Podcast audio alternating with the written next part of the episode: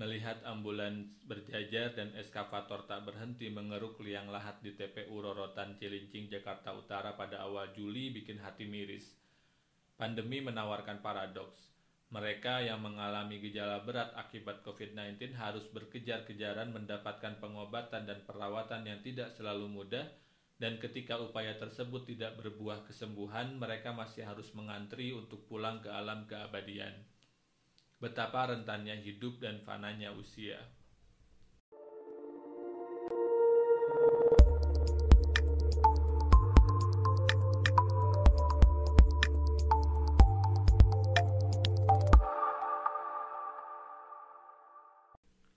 Assalamualaikum warahmatullahi wabarakatuh. Kita semua tahu hidup ini sementara. Ajal di sisi lain la yastakhiruna sa'atan wa la yastaqdimun akan datang tepat waktu. Segala musabab medis menuju ajal hanya wasilah dan sunnahnya. Tapi hidup punya sifat melenakan sehingga dalam kondisi normal, nyaman, dan aman, kesementaraan hidup ini sering kita lupakan. Kita anggap sebagai sesuatu yang jauh, yang mungkin tidak hari ini, besok, atau dalam waktu dekat. Padahal Nabi mengingatkan betapa yang paling dekat dengan kita itu adalah kematian – Nabi juga bersabda wakafa bil mauti waizo jadikanlah kematian sebagai pengingat.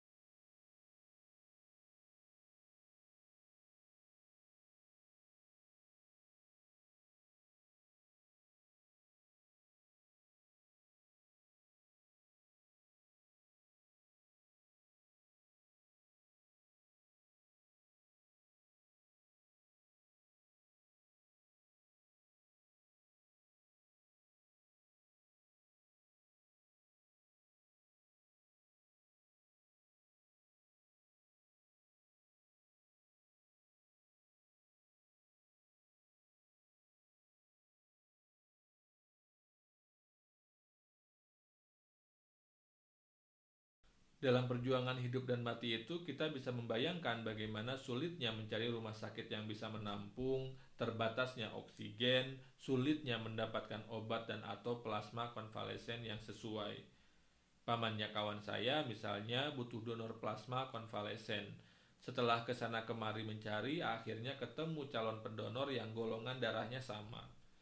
Di tengah waktu yang serba terbatas, ternyata masih ada satu lagi keribetan yang harus dihadapi, plasma konvalesennya mesti dicek terlebih dahulu karena khawatir tidak cocok dengan si pasien. Dan karena di kota kami tidak ada laboratoriumnya, maka plasma tersebut harus dicek terlebih dahulu di Bandung.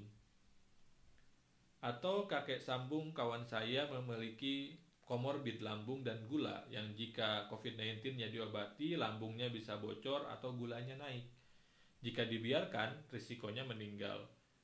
Satu-satunya jalan keluar yang tersisa adalah membiarkan si kakek pulang ke alam keabadian. Oksigennya dilepas, saturasi menurun drastis, dan rasa sakitnya hilang untuk selama-lamanya.